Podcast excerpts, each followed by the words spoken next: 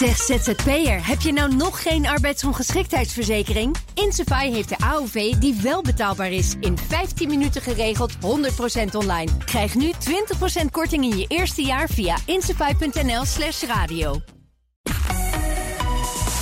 BNR Nieuwsradio. De Cryptocast. Herbert Blankenstein. Welkom in de CryptoCast. Met vandaag Rusland twijfelt openlijk over de rol van Bitcoin en andere cryptovaluta.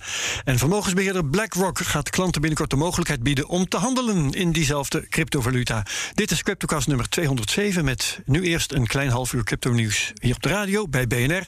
En daarna gaan we door als podcast over Energieknip, het grootste publieke blockchain-project van Nederland. En uh, daar praten we over met uh, ons gast hier, Adrie Wischman. Hij is medeoprichter van Blockchain Lab Drenthe. Welkom. Dankjewel, uh, dankjewel voor de uitnodiging. Zeker. En mijn co-host vandaag is Krijn Soeterman, cryptojournalist en auteur. Welkom Krijn. Goedemiddag. Goed dat je er ook bent. Uh, disclaimer hier, wij geven geen beleggingsadvies, vorm je eigen mening, maak je eigen keuzes en geef ons niet de schuld. Crypto kan lucratief zijn, maar is ook riskant. Goed, ik zei het al. Rusland twijfelt openlijk over de rol van bitcoin en andere cryptovaluta. Uh, tot voor kort pleitte daar de centrale bank voor een totaal verbod. Maar inmiddels lijkt het land bitcoin als valuta te gaan reguleren. En dat uh, komt dan vanuit het ministerie van Financiën daar ter plaatse, krijgen, volgens mij. Ja, dat, uh, dat klopt. Althans, dat is wat uh, geschreven wordt uh, in de verschillende media. Mijn, mijn Russisch is niet echt zo goed, zeg maar. Net als het mijne. Maar ehm, weet jij wat de huidige status van Bitcoin, wat de huidige regels zijn daar in Rusland? Uh, volgens mij mag je het bezitten, maar mag je er niet mee handelen. Uh, of, uh, niet mee betalen in mee betalen. betaalmiddel niet toegestaan. Het, het, is best wel complex, want het, ja. er verandert dat heel veel. En ik ken wel wat mensen in Rusland via wat andere kanalen. En die zeiden, ik, ik zei wel eens voor de grap, wil je wat bitcoin van me hebben? Of tenminste gewoon via een paar satoshis, via... Ja via Telegram of zo. Ja. Nee, dat wilden ze dan toch niet. Want toch het idee van ja, maar als dit ooit dan weer verboden wordt, dan. Dan zit je er maar mee. Ja. Oké, okay, dus ze zijn ook in Rusland onzeker over uh, wat er nou eigenlijk mag en wat niet. Dat is eigenlijk een beetje de status quo in Rusland toch wel vaak. Ja. je, je, kunt soms om voor jouw gevoel heel onduidelijke redenen uh, ineens iets niet meer mogen. ergens vanaf gezet worden, ineens uit je baan gezet worden als je bijvoorbeeld journalist bent en je bent ergens kritisch geweest en het zat in een verkeerde hoek, dan kan het zomaar over zijn. Ja. Weet jij wat de overwegingen in Rusland zijn uh, over het wel of niet toelaten van cryptovaluta? Ja, je, je kunt natuurlijk vrij makkelijk bedenken van mocht uh, de het IMF besluiten dat, uh, dat er sancties worden opgelegd, dan kun je natuurlijk altijd bitcoin nog gebruiken om geld het land in en uit te krijgen. Dat Kapitaalvlucht. Is, ja. aan de andere kant kun je natuurlijk ook zeggen van dat kan dus iedereen zeg maar, ten positieve gebruiken. Uh, en het gekke is natuurlijk dat wij vooral graag berichten over uh, ja, zeg maar, regimes waarbij het dan nodig is om, uh, ja, om, om het eigenlijk vanuit deze kant gezien misschien op een wat negatievere manier te gebruiken. dat begrijp ik Bitcoin, niet. Zeg maar. zeg maar dat, dat Bitcoin zeg maar, niet tegen te houden is, zowel ten negatieve als ten positieve. Also, ja, ja, ja. Um, Poetin heeft zich onlangs positief uitgesproken over mining. Enig idee wat, uh, wat hij voor motieven heeft om mining dan toch wel oké okay te vinden? De, de, hij, de, ze zeggen dat ze dus een prachtig energienetwerk hebben met hele goed opgeleide ingenieurs. En elektriciteit is ook goedkoop in Rusland. En de elektriciteit is goedkoop. 6 dus, cent per kilowattuur of zo? Ja, de, de, exacte cijfers heb ik niet voor mijn, uh, voor mijn neus staan. Maar dat uh, uh, zit inderdaad in die range van 6, 6 cent per kilowattuur. En ja, dan heb je, als je dan ook nog eens vertelt van wij kunnen dus op die manier ons energienet heel goed reguleren. Dat zou natuurlijk mooi zijn. Dat is natuurlijk ook een beetje het verhaal van heel veel bitcoiners, ook in de Verenigde Staten en ook wel in Europa. Van wij kunnen misschien bitcoin mining wel gebruiken. Of voor verwarming. Als een soort als, fijnregelknop ja. voor uh, eventuele overschotten en eventuele tekorten. Ja, voor, de, voor het snel aan- en afschakelen van de miners. Ja, dus, dus uh, het wordt toch wel gezien dan als een uh, nuttige factor daar in de hele mix. Ja, dat, uh, dat is althans wat de berichten. ja, ja. Ons, nee, precies. Want, want in feite moeten we nu gewoon afwachten of die wetgeving die dan nou is aangekondigd, want dat is wel het geval, hè, of die er ook werkelijk komt. Want er is nog niet eens een wetsontwerp, als ik de berichtgeving goed begrijp. Nee, en, dan, en, en de centrale bank eh, dus stribbelt, eerst ook wat tegen en nou ineens weer voor. Dus het is, ja, we, we gaan zien hoe dat uh, zich gaat ontwikkelen in de komende tijd. Uh, Ja, ook rond het hele Oekraïne-verhaal. Adrie Wisman, volg jij dit soort dingen? Heb jij Eh, jawel, eh, op een periscoop op eh, Rusland gericht? Nou ja, ik heb er wel een klein beetje een, een mening over. Hè. De- Rusland is natuurlijk eh, het derde eh, miningland ter wereld. hè. Eh, op eerste plaats eh, Amerika met 35% eh, aandeel. Kazachstan nog wel op nummer 2. Hè, want die eh, eh, zijn natuurlijk ook niet heel erg blij met miners. Maar Rusland staat met 11% van de totale mining capac- capacity van de wereld eh, op nummer 3. En ik heb het idee dat meneer Poetin dat niet zomaar weg wil geven. En, en ja, hij roept dan ook, we moeten zorgen dat we wel aansluiting houden bij de technische ontwikkelingen in de wereld. En ja, da- daar heeft hij natuurlijk wel gelijk in. Hè. Ook Amerika is daar bang voor. om om bijvoorbeeld wanneer er een digitale yuan komt en er is nog geen digitale dollar, om daar eh, een stukje weg te zien lekken. En, en Ja. eh, terecht. Dus jij ziet als motief daar in Rusland, ehm, waarmee ze dan Bitcoin tegemoet treden, toch wel mee willen spelen in het hele technologische veld. Zeker, dat kun je niet veroorloven. En dat niet uit handen willen geven zoals China dat dan gedaan heeft. In elk geval wat de mining betreft. Nou ja, maar China geeft dat niet uit handen. China trekt dat juist naar zich toe. Hè. Ehm, wat is de motivatie voor China om die miners de, de deur uit eh, te werken? Is dat ze eh, hun eigen digitale yuan natuurlijk... Ja, nee, zeker. zeker. Eh, maar ten gunste van hun eigen digitale yuan Precies. inderdaad. En niet van ongere of, ja, gereguleerde crypto, maar in elk geval door China niet beheerste crypto. Ja, dat klopt, hè, maar er komt ook een digitale roebel aan. Hè. Dus ik ben ook heel benieuwd hoe Ru- Rusland daarmee omgaat. Ja. Ehm, denk, je dan, denk jij dat, dat eh, Bitcoin, misschien andere crypto's, een belangrijke rol gaan spelen in Rusland in de toekomst? Ik denk over de hele wereld. eh, Ja. en, en Rusland inclusief. Ja. Oké, nou, eh, zoals Krijn al zei, dat eh, zullen we moeten gaan zien. Ja. Hè, dat kunnen we allemaal als een veilige conclusie om, om hier te onderschrijven. Ik stel voor dat we naar Bert Slachter gaan voor de prijsanalyse. Goeiedag Bert. Goedemorgen. Eh, jij nog iets over Rusland in te brengen trouwens, nu ik je toch aan de telefoon heb, aan de lijn heb? Ja, nou, ik, ik vond vooral opvallend dat in heel korte tijd je een aantal gebeurtenissen achter elkaar zag. Namelijk in eerste instantie, we gaan het verbieden. Daarna zei Poetin tegen zijn minister van Financiën, joh, ga het nou toch eens onderzoeken. En weer een paar dagen later kwam, we gaan het waarschijnlijk reguleren. En dan kwam de vorige week van, nou, we gaan het op deze manier doen. En dit wordt de belasting. En eigenlijk in heel Ja. korte tijd. En we zagen dat zo'n gelijksoortig patroon eerder ook bijvoorbeeld in Turkije. Toen zat er nog een paar weken tussen. Het lijkt alsof landen steeds sneller door die leercurve heen gaan. dat, dat, dat het roepen dat we het maar moeten gaan verbieden... eigenlijk helemaal niet zo'n heel goed plan is. Dus dat vond ik wel opvallend aan het Rusland. Ja, ja, ja. dus jij ziet het ene land na het andere ehm, na eh, de wens om te verbieden toch op iets anders uitkomen. Ja, bijvoorbeeld India ook, hè, twee weken geleden. Inclusief dit wordt de belasting en op deze manier gaan we het doen. Dat is waar ook. Ja, ja. Oké, goed. Laten we naar de prijzen kijken. Sinds vorige week, ja, het is grappig, we zitten. Nou ja, ik weet niet hoe, hoe, hoe smal de marges zijn, maar we zitten bijna precies op hetzelfde niveau qua prijs als vorige week. We zitten op 44.000 op dit moment ongeveer. Ehm, er zat een kuil tussen nu en, eh, en eh, toen. Maar eh, ja, geef jij eh, jou- jouw weergave en interpretatie maar. Ja, het is heel opvallend. Ik, toen ik vanmorgen keek, was het echt tot op de dollar hetzelfde als vorige week. Nou ja. En eh, er zat een kuil tussen, maar ook een bergje. Want we zijn eerst naar 46.000 dollar gegaan... en dan tussendoor nog weer ja, 41.500. Ja, behoorlijk zijwaarts dus. Ehm, en ehm, nou, dat is helemaal niet zo slecht nieuws eigenlijk. Want in, in dezelfde periode is er behoorlijk wat eh, onrust geweest. Geopolitiek natuurlijk, het verhaal tussen Rusland en Oekraïne. Ehm, toch weer wat gesprekken ook over toekomstig monetair beleid in eh, de Verenigde Staten. Natuurlijk ook de inflatiecijfers in Europa, eh, waar ook wat, wat uitingen zijn gedaan. En het lijkt Bitcoin steeds minder te raken. Ik wou net zeggen, je noemt allerlei factoren, maar dat die echt invloed hebben, dat zie ik helemaal niet. Nee, klopt. En je kunt dus ook de correlatie tussen verschillende eh, financiële instrumenten, die kun je meten. Eh, en als je keek naar de eh, correlatie tussen Bitcoin en de Nasdaq bijvoorbeeld, de Amerikaanse techbeurs, dan was die een tijdje heel hoog, eigenlijk vanaf begin 2022. En dat was ook in het nieuws, hebben het ook over gehad met elkaar. Van nou, het is, het is voorbij met dat Bitcoin, want het is niks anders dan gewoon een tech-aandeel. En we zien dus eigenlijk de laatste eh, anderhalf, twee weken dat die correlatie heel sterk afneemt. In eerste instantie de korte termijn, de 14-daagse correlatie, maar nu ook al de 30-daagse correlatie, die gaat richting Dus ja, eigenlijk kiest Bitcoin zijn eigen pad, zou je kunnen zeggen. Ja, en ehm, wat betekent dat dan voor de komende tijd? Of is dat, betekent dat juist dat je er niks van kan zeggen?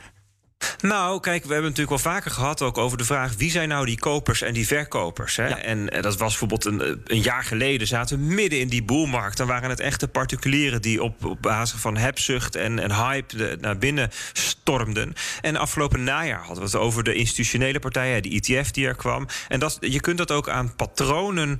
Um, allerlei soorten patronen kun je wel wat zeggen over wat voor soort marktparticipant je hebt. En vanaf januari, of eigenlijk al vanaf uh, begin december, werd de, de prijsvorming echt bepaald door die uh, grote professionele partijen die, die heel erg macro-gevoelig zijn. Dus heel erg letten op het, het, het, verkrappende monetaire beleid. Die lijken nu eigenlijk wel content te zijn met hem, hun positie. Want wat we nu zien, is voornamelijk dat het spot aankopen zijn. Dat zijn partijen die, die gewoon echt fysieke bitcoins kopen. Dus niet op de derivatenmarkt.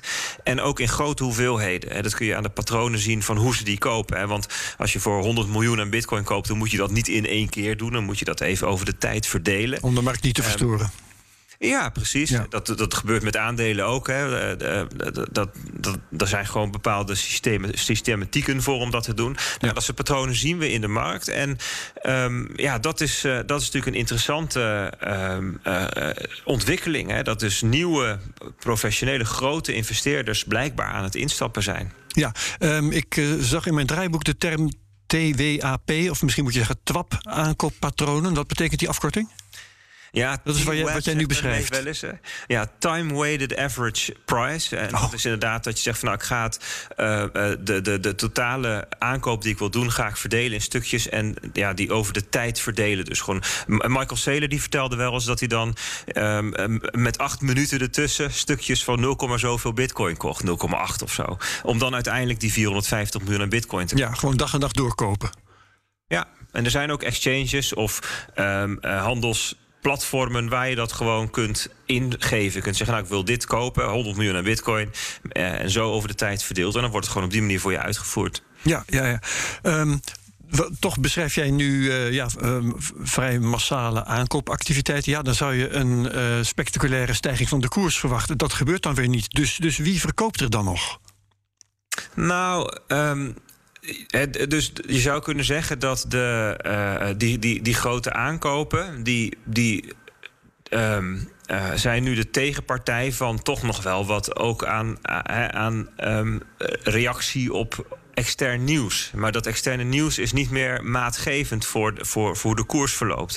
En wat je bijvoorbeeld ook ziet is dat de grayscale um, uh, discount aan het teruglopen is. Grayscale, grote beleggingsfonds. Ja. Precies, de grote beleggingsfondsen. Dat is geen open fonds. Dus uh, je betaalt te veel als er veel vraag is. Je betaalt te weinig als er te weinig vraag is. En dat was de laatste tijd zo, er weinig vraag was. Het is een grote discussie ook in Amerika. Want eigenlijk zou het een ETF moeten worden. Maar dat wil de SEC niet. En, maar goed, kortom, als die, als die, die discount, die korting terugloopt... dan betekent dat er ook weer vraag is, blijkbaar, naar Grayscale fonds. Ja, het zijn allemaal aanwijzingen dat er toch ja, zo, eh, je zegt van hey, heel veel grote kopers. Nou ja, het, het, je, zou, je zou kunnen zeggen, zo zoetjes aan zie je weer wat van die interesse terugkomen. Zo zou je denk ik moeten zeggen. Ja, goed. Nou, uh, nog kort even, waar zie je het de komende week naartoe gaan?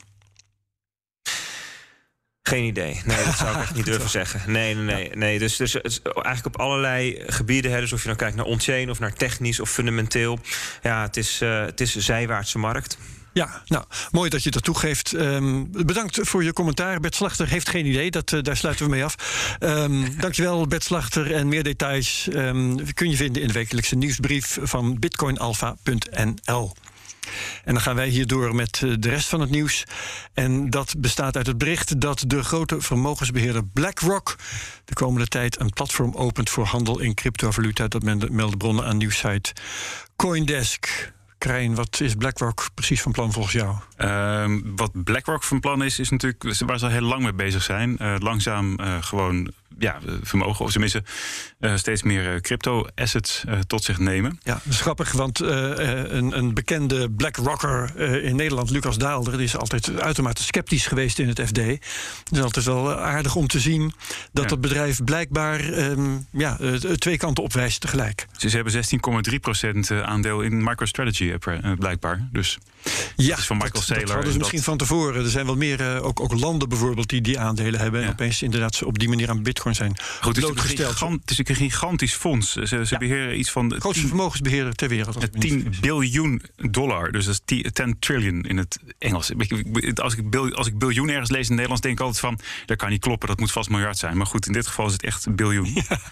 Dus, ehm, maar goed, ze, Ja. hebben, ze hebben... Het is natuurlijk een, ook wel deels wel een beetje een, eh, een ehm, eh, ja, controversieel fonds. Ze hebben heel veel investeringen nog in fossiel. En daar- dat gaan ze allemaal Oh ja. terug, eh, terugdraaien. Maar dat, eh, of tenminste eh, afbouwen langzaam. Maar goed, Mhm. dat, ehm, dat is een kritiekpunt. Maar goed, ze, ze hebben ook een, een semi-consumententak. eh, dat heet eh, Aladdin. Of eh, Aladdin. Of weet niet precies, het is met dubbel T. ik weet niet precies hoe je in het moet uitspreken. een, een, eh, beleggings, een crypto-beleggingsbureau, als het ware. Een Ja, en dat, eh, ja en, dat, en dat is dan bedoeld voor eigenlijk vermogensinvesteerders voor particulieren. Dus op die manier kunnen particulieren toch eh, op een bepaalde manier investeren in eh, cryptovaluta via BlackRock. Ja, en die groeien dus gewoon de, de kant van, eh, van de crypto op. Ja. is, is dat iets waar jij wijsheden over kunt eh, vertellen, Adrie? Ja, wijsheden, dat is een groot woord misschien. maar ik, ik, ik wil wel wijzen, dit soort partijen zijn gigantisch. Hè. Alle muntjes op de wereld bij elkaar zijn bij elkaar goed voor ongeveer 1800 miljard eh, dollar.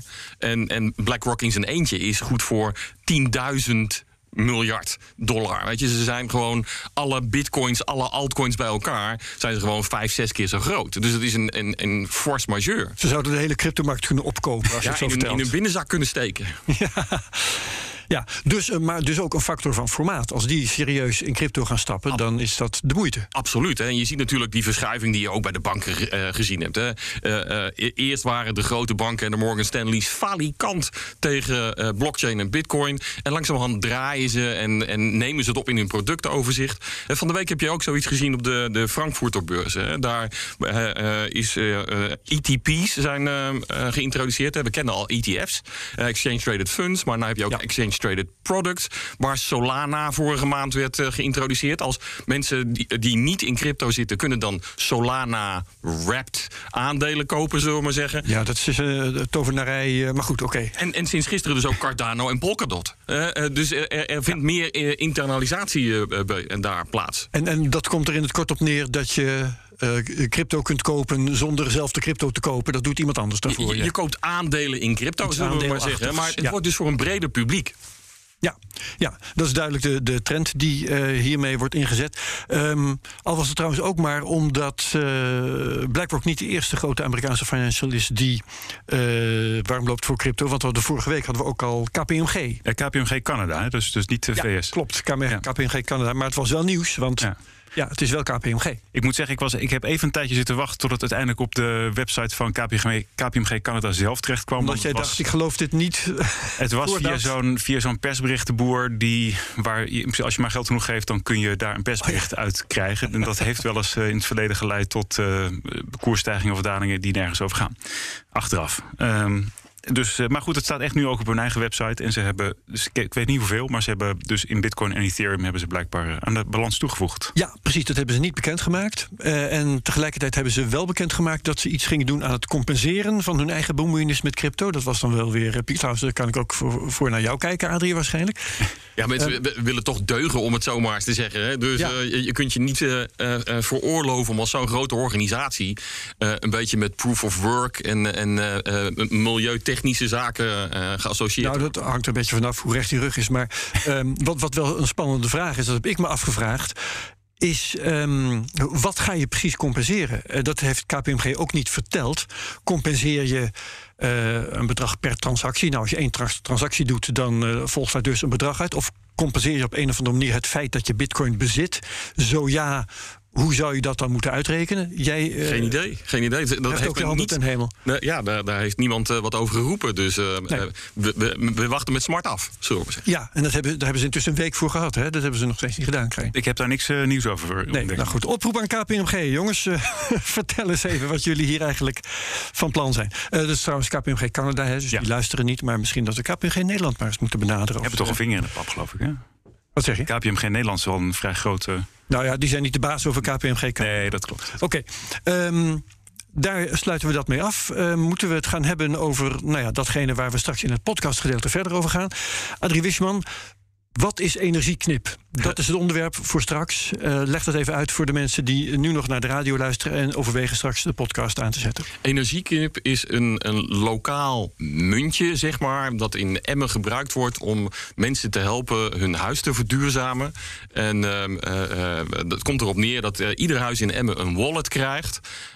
en daarmee kunnen ze muntjes verzamelen die ze bij de plaatselijke praxis, Hubo, et cetera, kunnen uitgeven voor LED-lampen, ja. tochtstrippen, et cetera. En even voor de helderheid, dat is geen plan. Dat is er nu, dat werkt. Het draait al. Het draait al. Het is een enorm overweldigend succes. Het is een succes. Um, hoe kun je dat succes in getallen uitdrukken? Nou ja, dat bijvoorbeeld 100% eh, van het budget wat de gemeente Emmen daarvoor had, uh, in 13 dagen al uh, geclaimd is. iedereen die mee wilde doen, is als dat een speer het, ermee aan de slag gegaan. Dat is het soort succes dat menig project al de nek heeft omgedraaid. ja, natuurlijk. Er zitten ook wel wat scherpe randjes aan. Maar je bedoel, je kunt Max Verstappen niet kwalijk nemen dat hij heel hard rijdt op Formule 1 racebaan, zullen we maar zeggen. Nee. Oké, genoeg al om, om vragen op te baseren. Maar eh, om te beginnen wil ik eigenlijk weten voor de radioluisteraars van u... waarom moest dit opgelost worden met crypto? Oké, nou, de, uh, crypto heeft natuurlijk een aantal karakteristieken: hè, uh, anonimiteit, decentralisatie, immutability en dat soort zaken die precies passen in dit project. Dus die, die inwoners van Emmen die gaan anoniem gegevens delen met de gemeente Emmen. die gegevens die moeten decentraal opgeslagen worden, hè, zodat niet alleen maar de gemeente Emmen daar de, de eigenaar van is. Hè. Het is open data. natuurlijk, wanneer je met muntjes kun je allerlei zelf allerlei databases gaan doen. Maar crypto is daarvoor gemaakt. Het was de eerste toepassing van blockchain, om het zo maar eens te zeggen. En uh, daarom maken we daar gebruik van. Ja, oké. Ehm, dan vraag ik me ook nog af, hoezo Emmen? Want uh, kijk, die vraag zou je niet zo makkelijk stellen als het Amsterdam was. Ja, nee, oké, Amsterdam. Daar, maar het is, een, het is een hoek van het land. Hoe is, hoe, hoezo is dat in Emmen ontstaan? Leg eens uit. Nou ja, in Emmen hebben we Blockchain Lab Drenthe. Eh, dat zal ik zo maar uitleggen. Maar Emmen doet mee. Dat, dat was er eerder al. Uh, ja, dat was er eerder al. En, uh, en Emmen doet mee aan een Interreg-project Bling, Blockchain in Government. En daar paste dit fantastisch in. Hè? Dus in Emmen gebeurt wel wat op blockchain-gebied. Ja, oké. nou, daar komen we straks misschien ook aan toe om daar meer over te vertellen. Dat is leuk. Um, daar gaan we het bij laten voor deze CryptoCast uh, vandaag op BNR. Uh, bedankt dus Adrie Wisman van Blockchain Lab Drenthe. En uh, ook dank aan co-host Krijn Soeterman. We gaan zo direct verder in de podcast. Wie meegaat, heel graag tot straks. En wie het hierbij laat, ook goed. Dankjewel en graag tot de volgende week bij de CryptoCast op BNR. Dag. Deze podcast wordt mede mogelijk gemaakt door Amdax. Het handelshuis voor de serieuze cryptobelegger. 30 mei, Unlocked. Het event dat de deur opent naar Composable Commerce. Unlocked is exclusief voor groothandels, brands en retailers. Gratis aanmelden, kega.nl.